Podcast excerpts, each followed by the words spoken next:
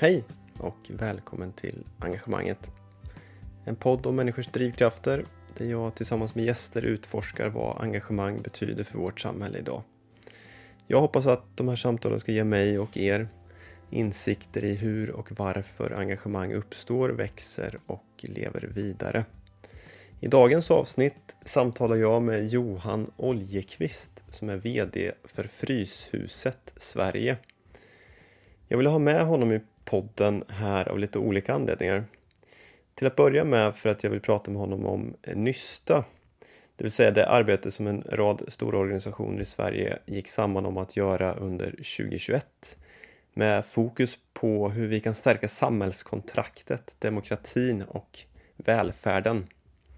Det är stora frågor som var och en av oss kommer i kontakt med direkt eller indirekt. Men samtidigt tycker jag att den grund som vårt samhälle vilar på ägnas allt för lite explicit fokus. Så här lyfter vi blicken och spanar på hur civilsamhället kan vara en del av det här framtida samhällskontraktet. Och vad är det egentligen? Sen vet jag också att Johan har en rad andra engagemang vid sidan av jobbet. Jag är nyfiken på vad som driver honom att engagera sig. Hur hamnade han där han gjorde? Hur har engagemanget förändrats under åren och, så vidare. Men innan dess vill jag också som vanligt nämna att den här podden spelas in i studion på Nobel 21 i samarbete med KC Kompetenscenter. Och KC Kompetenscenter finns framförallt till för personer verksamma inom den idéburna sektorn. Att för dem verka i de olika roller som krävs för en engagerande verksamhet som är till gagn för individen och samhällets demokratiska utveckling och för övriga sektorer i samhället att öka kunskapen om och förståelsen för den idéburna sektorn. Tack KC! Okej, nu till samtalet med Johan. Håll till godo och hoppas att ni ska gilla det.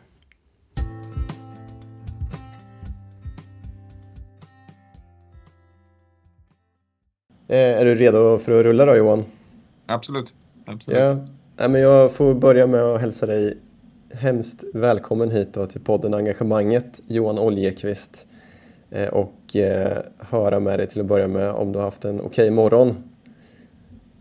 Eh, ja, tack så mycket. Jo, jag har haft en bra morgon. Bra frukost, fint väder. Jag är på Fryshuset i Husby och här är en härlig stämning. Det är härligt att mötas av små ungar på morgonen. Underbart. Du ser ut att vara i fas, vad jag kan se i alla fall. Du Johan, när jag nämnde för en kollega till dig i Malmö att jag skulle eh, ha med dig i podden här så vart eh, hon genuint glad och jag kände att hon var tacksam för att ha dig som chef här för Fryshuset. Och hon, hon kallade dig lite skämtsamt för Oljan. Mm. Det, det vart jag nyfiken på hur du själv, det kanske inte är någonting som ni som du kallas till vanlig, vanligdags, men vad heter det, jag tänker, känner du dig som oljan i maskineriet Fryshuset? eh, ja, mm, jag har inte tänkt på det så, men eh, det är ju smickrande om man får vara det, för det är väl en ledares främsta roll att se till att andra människor, andra kan samverka och att saker synkas och flyter. Mm. Så det var väl smickrande om det skulle vara så. Eh, annars är det faktiskt min pappa och min bror som har kallats oljan under, under historien. Jag har faktiskt aldrig kallats det. Det är nog första gången. Jaha, okay. ja, ja. Jag ska inte outa vem det var då. Eh, en väldigt fin person i Fryshuset här som vi har samarbete med och haft under lång tid i alla fall. Ja. En annan sak som jag fastnade för när jag försökt göra lite research om eh, Fryshuset och dig själv och sådär också är ju Fryshusets vision.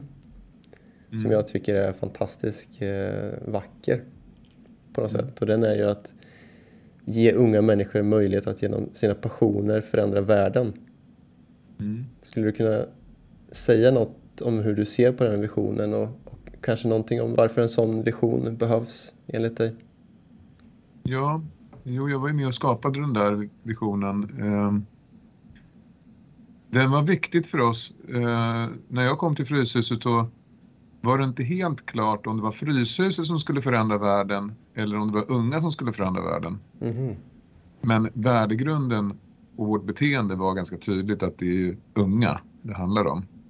Men, men det, det var inte formulerat så. Eh, och eh, det var flera mått där. Dels där betydelsen av att vara möjliggörare. Eh, och det där är väl min syn på ledarskap, eller på väldigt mycket i världen. Jag tror att det, det är så man skapar stor förändring, att vara möjliggörare för andra.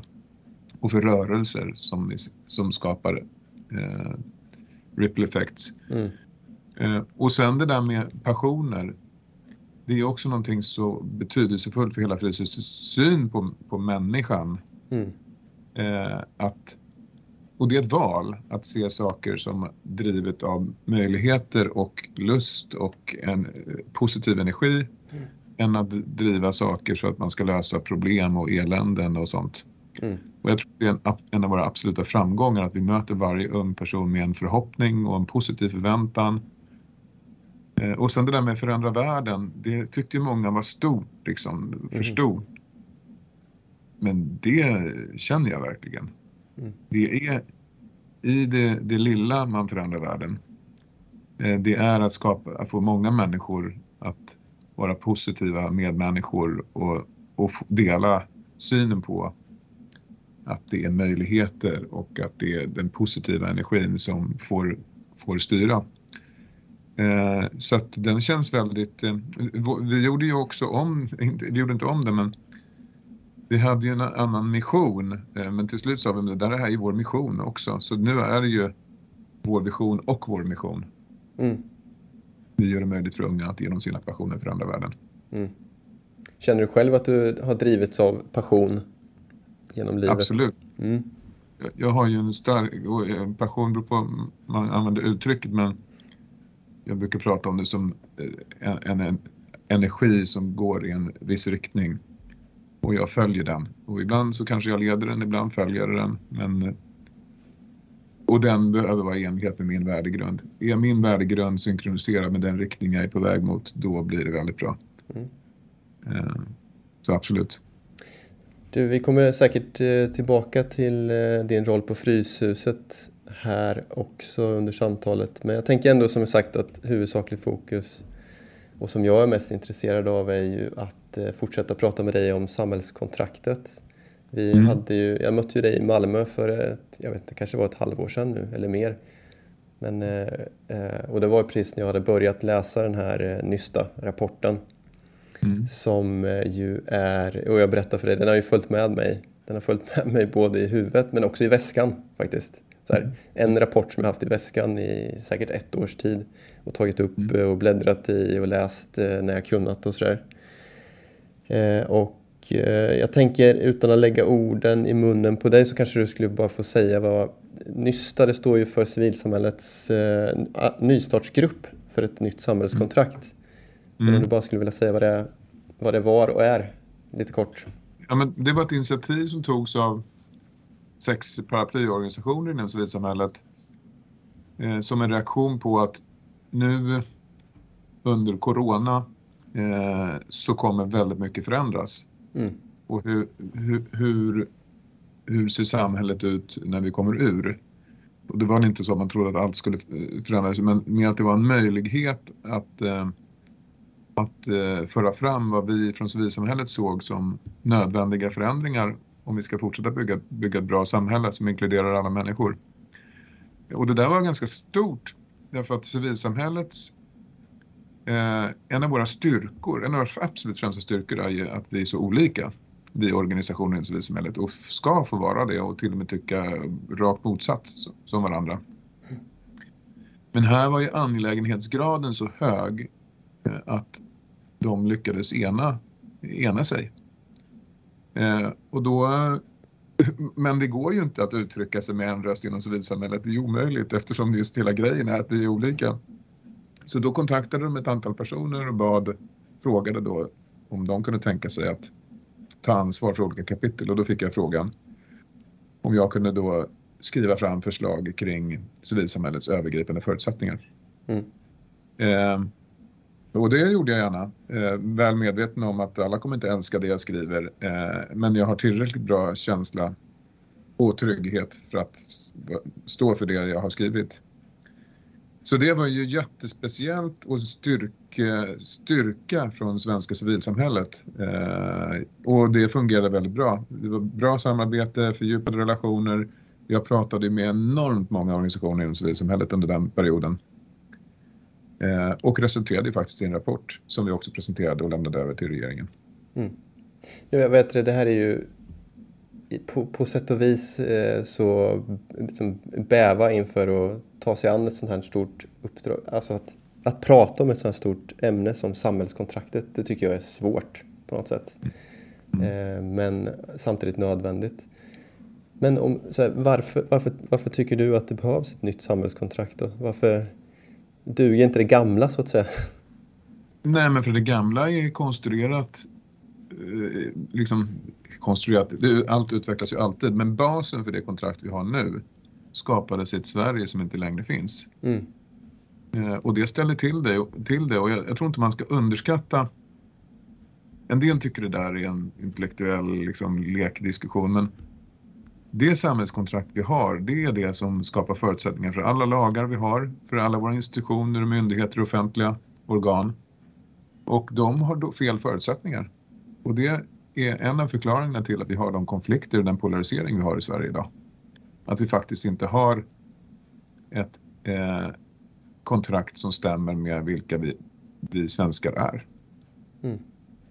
Därför behövs det faktiskt ut, vi har egentligen redan ett nytt kontrakt men vi behöver eh, vi låtsas om som att vi lever i det gamla.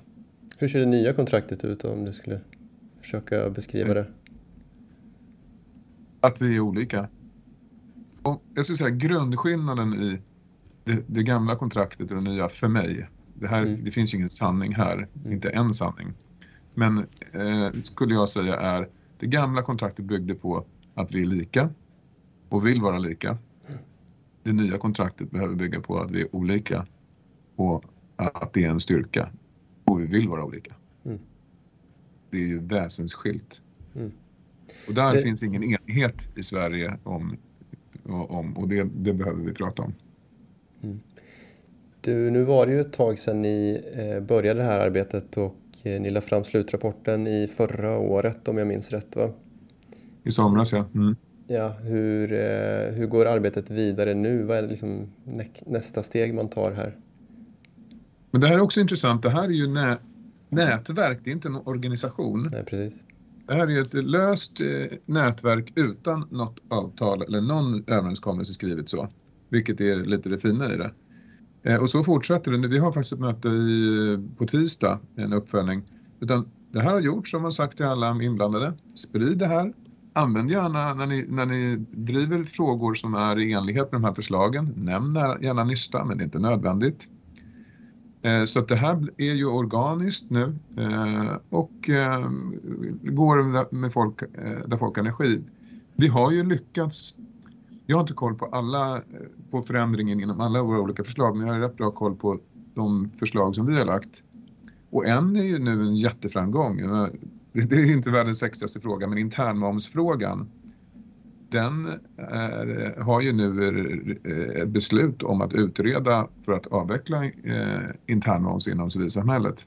Så det, bara den frågan är ju någonting vi har jobbat med i 15-20 år. Som nu får, får ett genombrott så att det, det, här ger ju nu effekter. Mm. Du, bara tillbaka till eh, samhällskontraktet där och jag funderar på, när jag, när, jag, när jag funderade på det så faller tankarna tillbaka till Eh, har du läst boken eh, Är svensken människa av Lars Trägård och Henrik Berggren? Ja.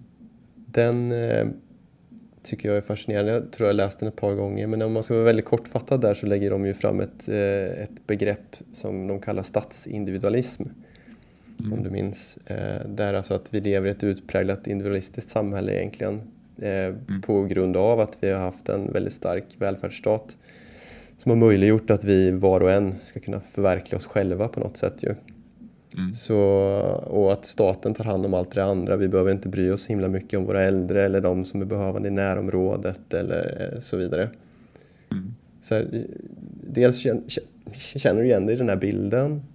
Eh, och vi var inne på det lite grann, historien bakåt. Så här, ja. hur den har påverkat vår syn på samhällskontraktet idag?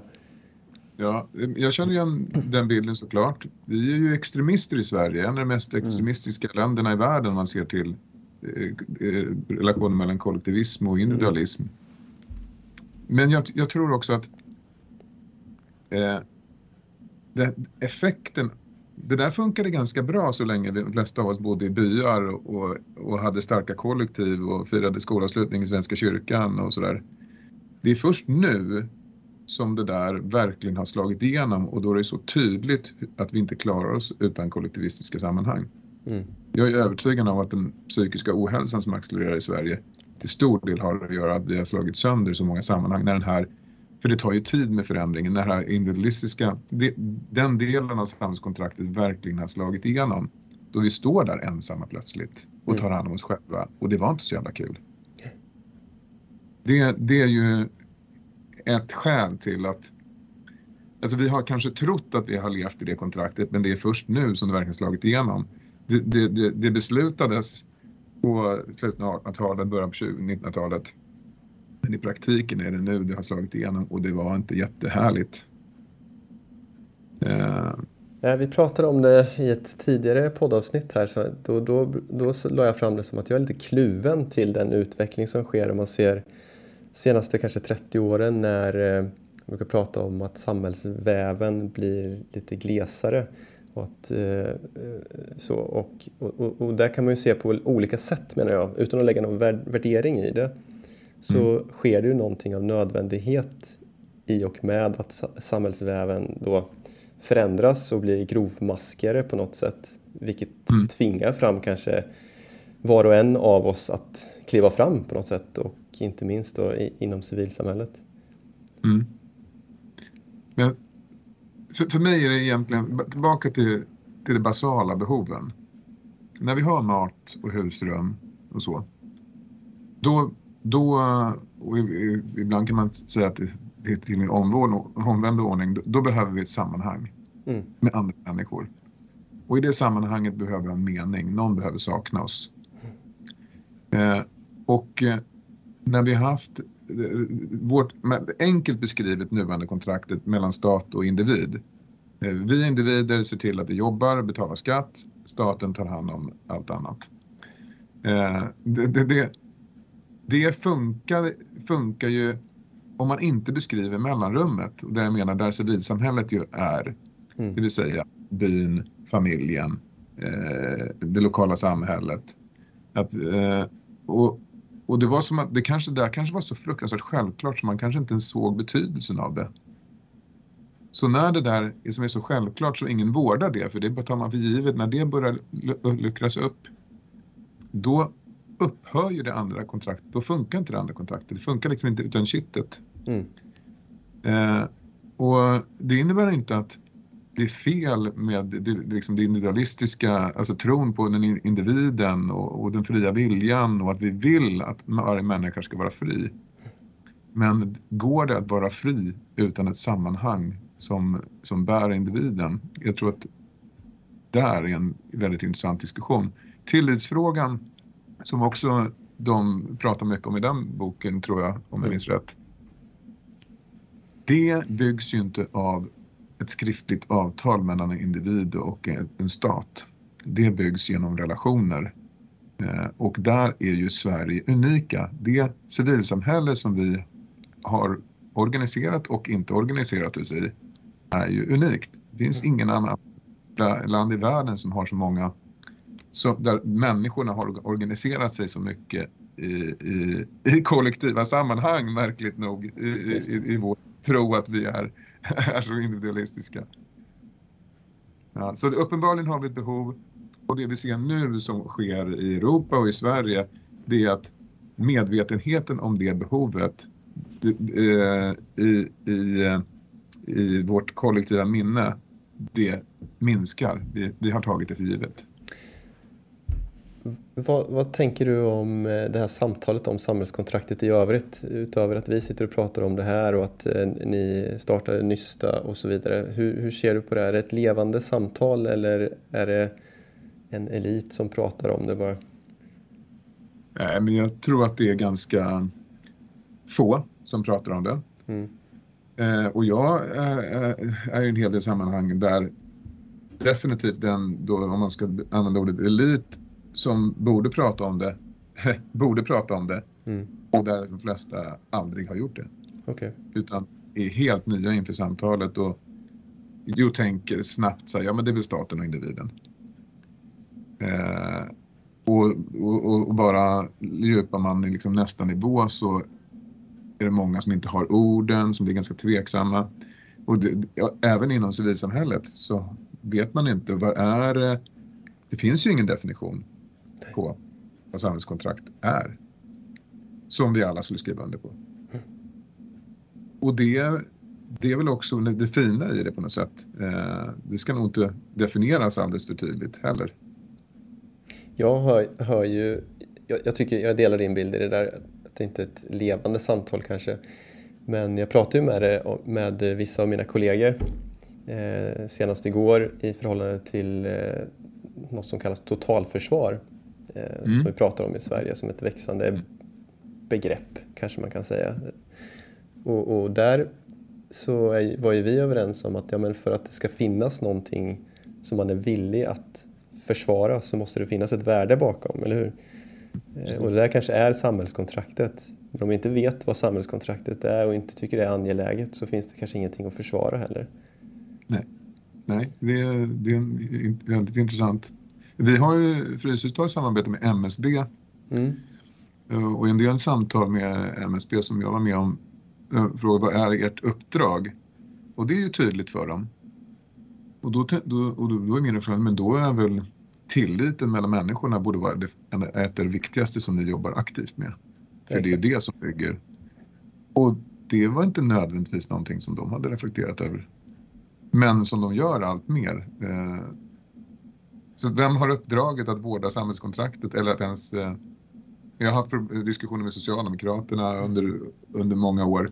Mm. Roliga diskussioner, liksom. samtal om att hur, ni skulle ju ändå, ni är ju någon av de som skulle kunna claima att ni har skapat eh, i alla fall delvis ansvariga för det här nuvarande samhällskontraktet. Inte läge, ni skulle kunna säga att nu, vi gjorde det här, nu ska vi inte skapa nästa nu då?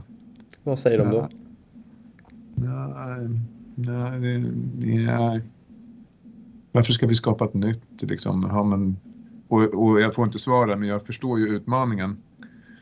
Om man ska säga att det behövs ett nytt samhällskontrakt. Vi människor har ju sån behov av att säga att något måste vara dåligt för att det ska förändras. Mm.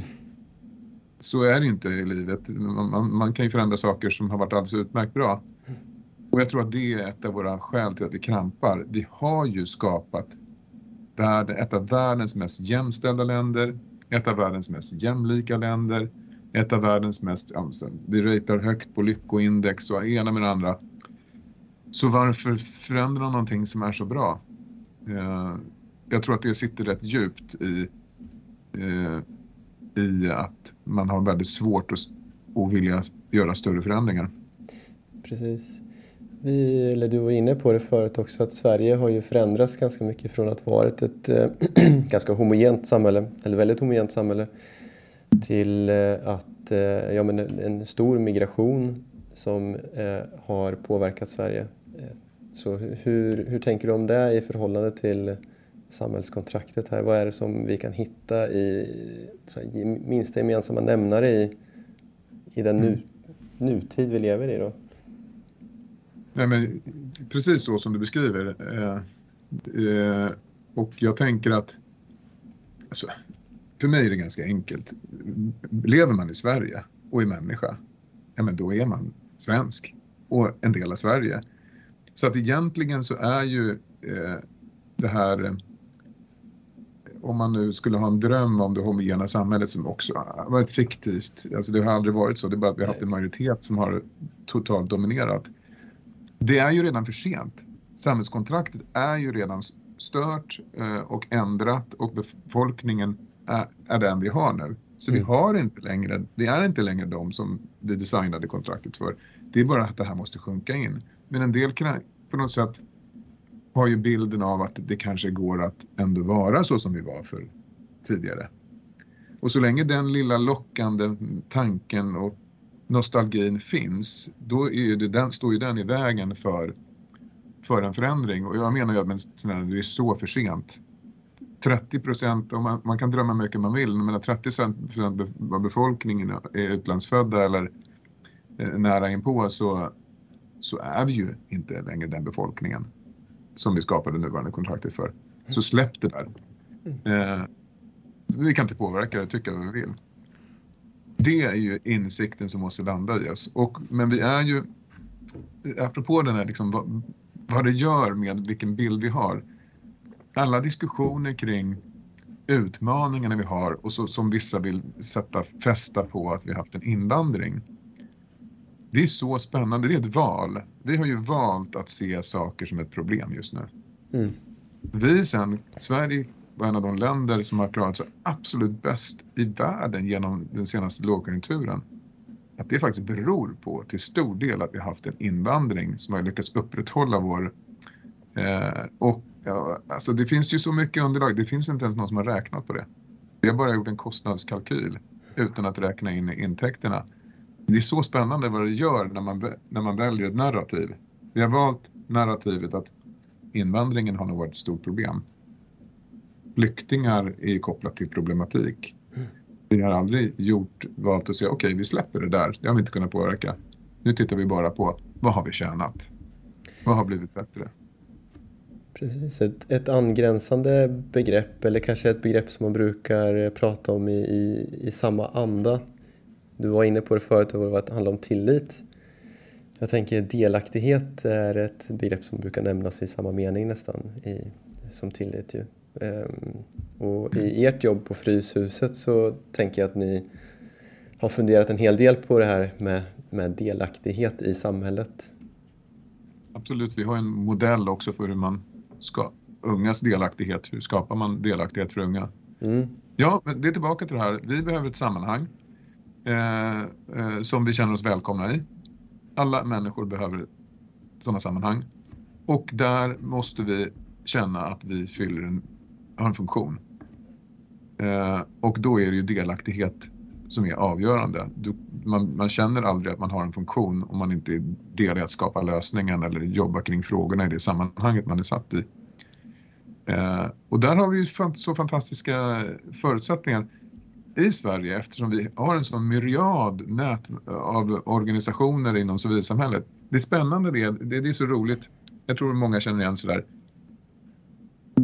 barn, ens barn börjar spela, spela basket eller fotboll eller eh, börjar med gymnastik. Vi, de flesta av oss vet bara att man går dit och så förväntas man fråga om man ska ta med sig kaffe nästa gång eller om man ska ställa upp. Hur vet man det? Det är otroligt udda idrottskonstruktionen. Och så kommer du från en annan kultur. Och så kommer du dit, du vet att du har betalt en avgift för att ditt barn ska gå på fotboll. Du går dit, du lämnar ditt barn till de eh, som står där och är coacher. Och, du kanske noterar lite flyktigt att de andra föräldrarna, vad konstigt att det är folk, vuxna som står och hänger här. Och så åker du iväg och sen så hämtar du barnet när det är slut. Mm. Och där står en del andra och irriterar sig lite på att den där pappan hjälper aldrig till. Och det är inte så lätt att förstå intuitivt att jag ska liksom koka, ta med mig kaffe och bjuda andra människor på när jag har betalt en avgift för en tjänst. Mm, mm. Det är väldigt komplext. Fint, komplext, vårt, eh, vår samhällsorganisation och den behöver vi aktivt hjälpa människor som inte är födda i, i det att förstå. Handlar det om Sverige... en ty extra tydlighet då Johan, eh, tror du? Eller att, eh, att, att det här kommer, om man är född och uppvuxen i Sverige så kanske man får med sig det från att man själv har varit inne i ja. idrottsföreningar och så vidare. Mm. Men handlar det om en kommunikationsgrej eller att, ja, vad handlar det om? Absolut. Det handlar om kommunikation men också att bjuda in. Man kan inte bara mm. tala om, du förväntas göra det här. Mm. Utan så man gör som människa är, välkommen. Mm. Du, jag bjuder dig på kaffe, eh, du är på väg att gå. Eh, nästa gång kanske du kan bjuda på kaffe. Alltså, mm. Man kan inte envägs, det, är att inkludera. Och det är det som är delaktighet. Hur skapar man delaktighet? Jo, man inkluderar andra människor. Ja, när jag, när jag funderar på delaktighet också, eh, så jag har jobbat en hel del med eh, stadsutvecklingsprojekt de senaste åren här. Och eh, det är att det finns också en ovana bland folk flest att vara, så att säga, och vi pratar om, medskapare i någonting. Och att det där är inte är självklart, kanske just på grund av den tradition som vi har byggt upp här kring att ja, men det är stat och kommun, offentlig sektor som tar hand om det mesta. Så att det där, alltså, det känns som att vi har fått jobba en hel del för att eh, eh, få med människor i den, i den typen av processer. Om man ska sitta ner och tänka så här, hur vill ni att den här lekplatsen ska se ut till exempel? Eller här, vi ska bygga om den här parkeringsplatsen till någonting annat, vill ni vara med på det? Mm. Så eh, det krävs en del fotarbete egentligen, är min mm. uppfattning. Så här. Håller du med om det? Ja, jag tror att vi, väl, alltså vi, vi har ju något, väldigt bra, något som vi har lyckats väldigt väl med i Sverige. Det är att dela, segmentera och skapa strukturer och dela upp ansvar. Det är ju, när vi har utländska besökare eh, som jobbar med påverkansarbete, då måste vi, det är väldigt svårt att förklara för oss. Förstår, I Sverige får politikerna inte påverka. Alltså politik, det är ingen idé att de tror att de måste boka en massa möten med alla våra ministrar så att de, så att de bara kan börja styra. Så, men det, så funkar det inte. Just det. Nu, nu kommer du träffa den här politikern, du kommer inte få några svar av den. Det är inte för att den är med här. Utan det funkar så i Sverige att vi har delat in roller och ansvar och mandat. Och väldigt många av utvecklingsfrågor, de är ju ofta stora, alltså systemrelaterade utvecklingsfrågor de är ju de just därför att vi inte har ett system för att hantera dem. Mm. Och det är där, där vi är så himla försiktiga. Är det inte min roll, min funktion, mitt ansvar, mm. då vill inte jag gå in och trampa någon på tån eller jag har inget ansvar för det. Och där kräver det ju människor som går utanför, utanför gränserna och mm. myndigheter mm. som går utanför gränserna. Och det är inte vår bästa i Sverige, för vi är så bra på det andra. Ja, exakt. Och jag tänker också att det handlar om eh, hur vi bjuder in du var själv inne ja. på det här, alltså hur, hur bjuder man in folk eh, att känna sig välkomna att vara med? Ja, ja. ja och, och, och, det, är, jag, jag tänker ett exempel på när civilsamhället kompletterar, eh, när vi kompletterar varandra, det offentliga och civilsamhället. Eh, när, när, när det offentliga ska bjuda in, ja, det är väldigt reglerat hur de får jobba de får inte jobba efter 16.30, vissa som jobbar på myndigheter, för då bryter de mot kollektivavtalet och det är, liksom, det är svårt, bökigt, krångligt. Mm. Så de bjuder ju in under arbetstid. Mm. Och de flesta i civilsamhället eh, jobbar ju, är ju där som ideella.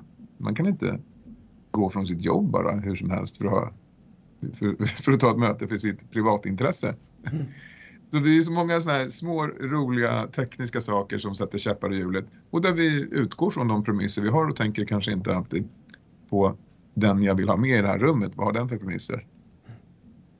Eh, det är jätteintressant. Det är någonting som jag tänkt på också och jobbat med i många år. Eh, men hur ser du på vad vi behöver, kanske en stor fråga men eh, några viktiga saker som vi behöver göra för att förbättra relationerna mellan civilsamhälle och offentlig sektor?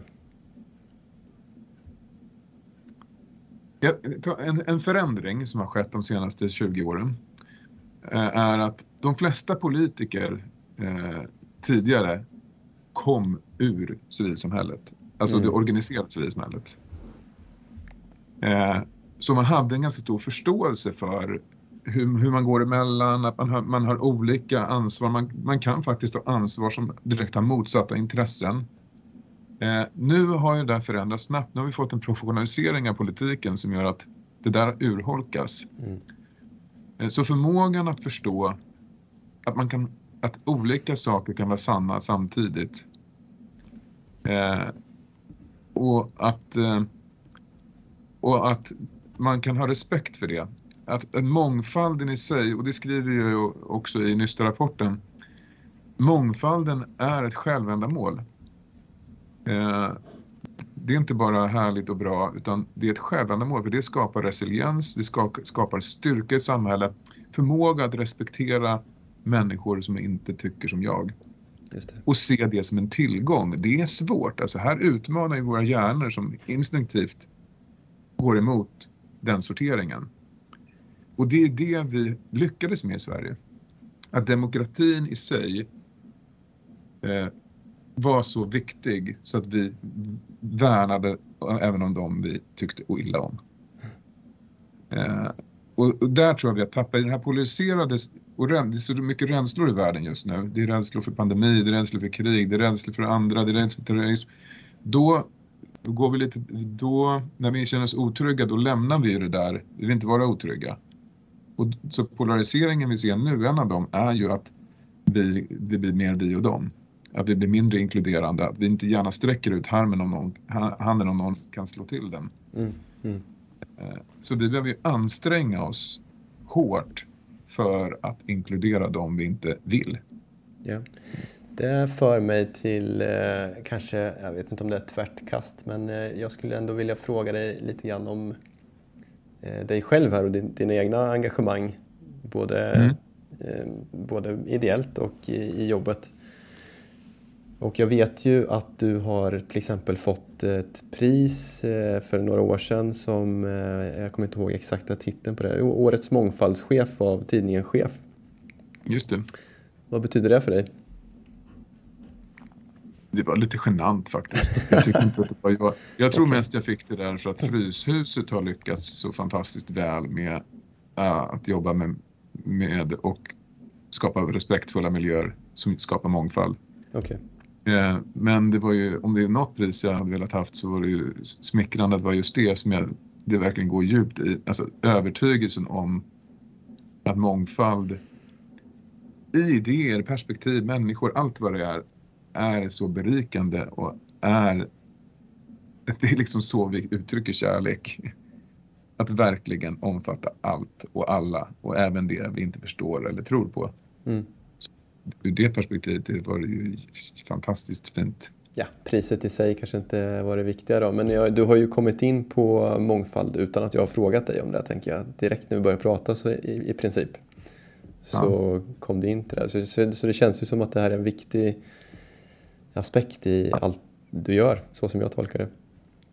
Absolut, och, och då, det, då, just nu de tider vi lever i, då landar ju den tanken snart, ganska snabbt i etnisk mångfald. Det är inte, det, mm. det är inte alls det som är eh, mitt driv, utan det handlar verkligen om mångfald i förstå att världen är komplex. Det finns inte en sanning. Eh, rätt och fel är liksom konstruktioner för att vi människor ska kunna prata med varandra. Det, jag tror ju inte att det finns rätt eller fel. Jag tror inte att det finns gott och ont. Jag tror det bara är språkliga och historiska konstruktioner för att vi ska kunna kommunicera med varandra. Eh, utan jag tror att det är mångfald. Det innebär att det finns väldigt många olika perspektiv och åsikter och synpunkter och allt vad det är. Och det är det som är det fina. Det är helheten. Var det här också din eh, egen drivkraft eh, som gjorde att du hamnade på Fryshuset där du är nu? Tror du? Eh, kanske kopplat till det. Eh, jag tror också mycket min drivkraft är att eh, jag, alltså jag tycker inte man ska komplicera saker men jag tycker man ska respektera komplexitet och, och, och nyttja komplexitet. Och Fryshuset är ju en av de mest komplexa organisationerna och um, ambitionerna uh, man kan hamna i. Uh, och, och jag gillar att utveckling. Mm. Eh, så att, att få vara på en plats där man får tänka vitt och brett. Man får utgå från, eh, från eh, den typen av tankar där man får skapa sammanhang som tillåter olika värderingar eh, och motsatta värderingar inom, så länge det är liksom kärlek, viljan att se framåt, att komma samman som är drivet. Det är ju en sån lyx. Mm. Eh, ja. Du har ju, i alla fall på pappret så är det, sitter du ju med lite olika styrelser eh, också utanför din roll som VD på Fryshuset antar jag. Eh, ja. Är, det, är det någon av de här som betyder extra mycket för dig? Liksom, är det som du brinner extra mycket för? Alltså det är helheten. Jag har ju, av för att jag är nyfiken och för att jag vill förstå, så har jag förstått att jag kan inte sitta i civilsamhället bara och titta på världen. Så jag sitter ju också i Stockholms handelskammares styrelse och har gjort i sex år. Jag är också ordförande för Stockholms universitets eh, Stockholm Business Schools Advisory Board. Eh, och jag ju, sitter i styrelsen för Unga Klara sen driver vi Fryshuset en egen teater. Eh, och en del andra uppdrag eh, inom impact investing och effektmätning som de är väl mer för att det, det, det, det driver fram en systemförändring. Mm. Men jag tror att det är kombinationen av de olika som, gör, som ger mig förmånen att få olika perspektiv. Mm. Det, det är det som har varit som jag har brunnit för. Och jag har ju, det är alltid, när man tar styrelseuppdrag, det, är alltid, det tar ju tid liksom. Yeah. Så jag har ju alltid övervägt, är det här någonting som ger tillräckligt mycket så att jag blir en bättre ledare för Fryshuset? Då har jag tackat ja. Eh, och, och, det har det verkligen gjort, att få olika perspektiv och få, få sina egna fördomar liksom tilltryckta med jämna mellanrum. Det tror jag är viktigt. Mm. Vad har du själv i eh, din egen personliga historia tror du som har gjort att du har valt att jobba inom eh, idéburen sektor? För det har du väl gjort, du kom ju från Myrorna innan mm. Fryshuset va? Och innan det vet jag inte. Men... Nej, men det var ju länge och innan dess så har jag bara varit på olika ställen. Men, men jag, jag, jag tror att jag har ett jättestarkt behov av att saker ska vara rättvisa. Eh, mm. Och att få möjlighet att agera på det. Och sen gillar jag människor. Eh, alltså jag gillar verkligen människor. Mm. Eh, och sen gillar jag fält där man får skapa förändring utan för mycket begränsningar. Det mm. tror jag är... Och sen det här att man då hjälper, liksom bidrar till att göra det bättre för människor. Det, det, det hade varit fint att kunna säga att det var mitt stora kall. Men jag tror mer det att lyxen att också få göra det, att effekten av ens arbete blir att det blir bättre för andra människor omkring en, det gör ju att man inte lämnar, eller jag.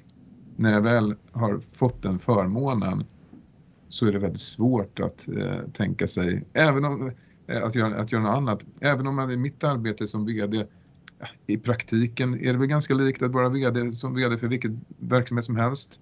Det är personalfrågor och det är visioner och det är planer och det är budgetar. Det är liksom, och man utvecklar och det är ganska likt på många sätt. Mm. Men att få förmånen att vara i ett sammanhang där all effekt av det man gör faktiskt skapar värde för människor, det är ju fantastiskt. Mm. Du sa rättvisa Johan, vad, vad betyder ja. det för dig då? Men att människor får, att alla människor får de förutsättningar eh, att, eh, att bli de, de de kan vara på bästa sätt. Mm. Eh, jag, jag, jag, förstår inte. Jag har faktiskt aldrig förstått hur man ens kan vilja skapa ett sammanhang där det inte skulle vara, människor skulle ha lika förutsättningar. Jag förstår inte vem skulle tjäna på det. Mm. Rädsla, det är för mig rädsla. Mm. Eh, att, få, få, att människor ska få bli respekterade.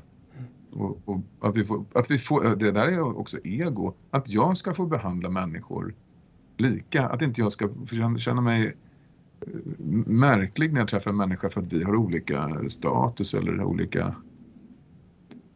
Så det är nog mycket handlar om mig själv. Jag vill kunna möta människor öppet. Jag vill inte ha att det, är fyra lager mellan mig och andra människor. Mm.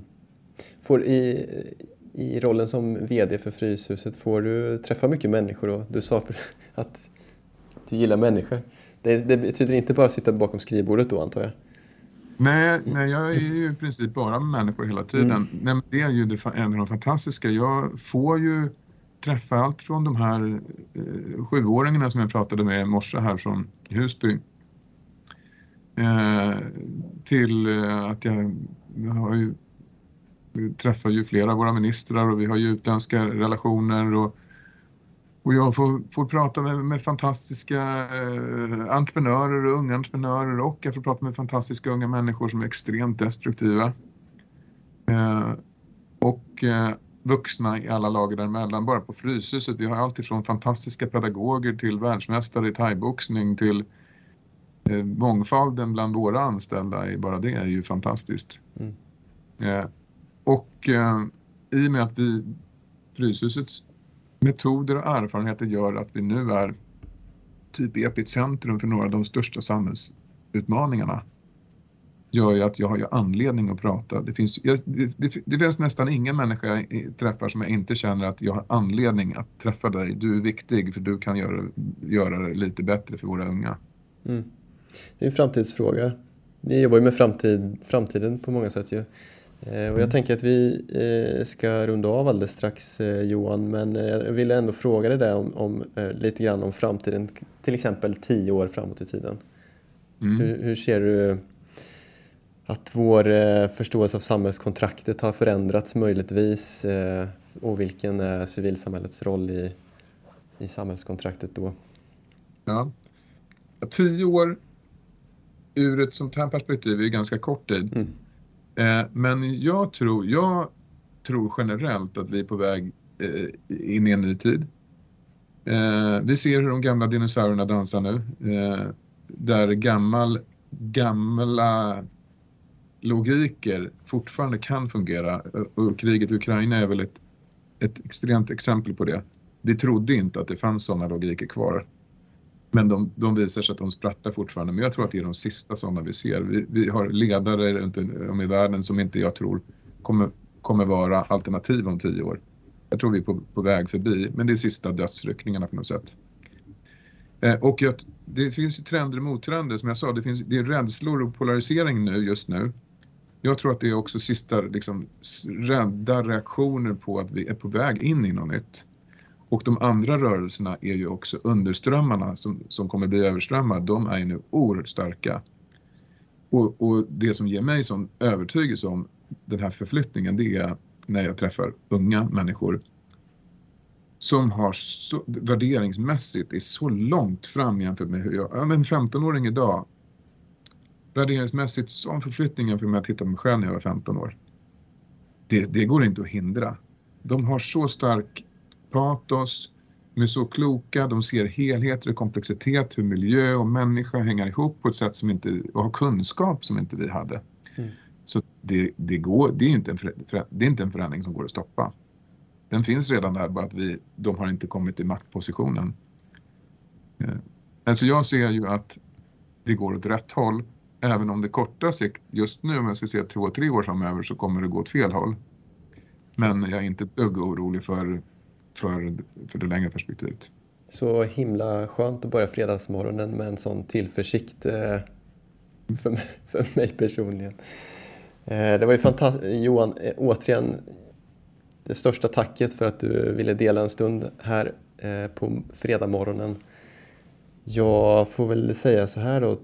Tack så jättemycket för samtalet. Mm. Tack själv.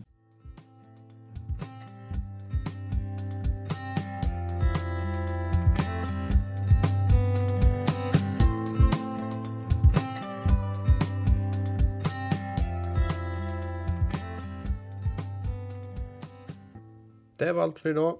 Tack för att ni har lyssnat. Hör gärna av er till mig om ni har tips på vem ni vill höra i den här podden. På mail tom.rodro.gmail.com eller via sociala medier. Ta hand om er. Hej!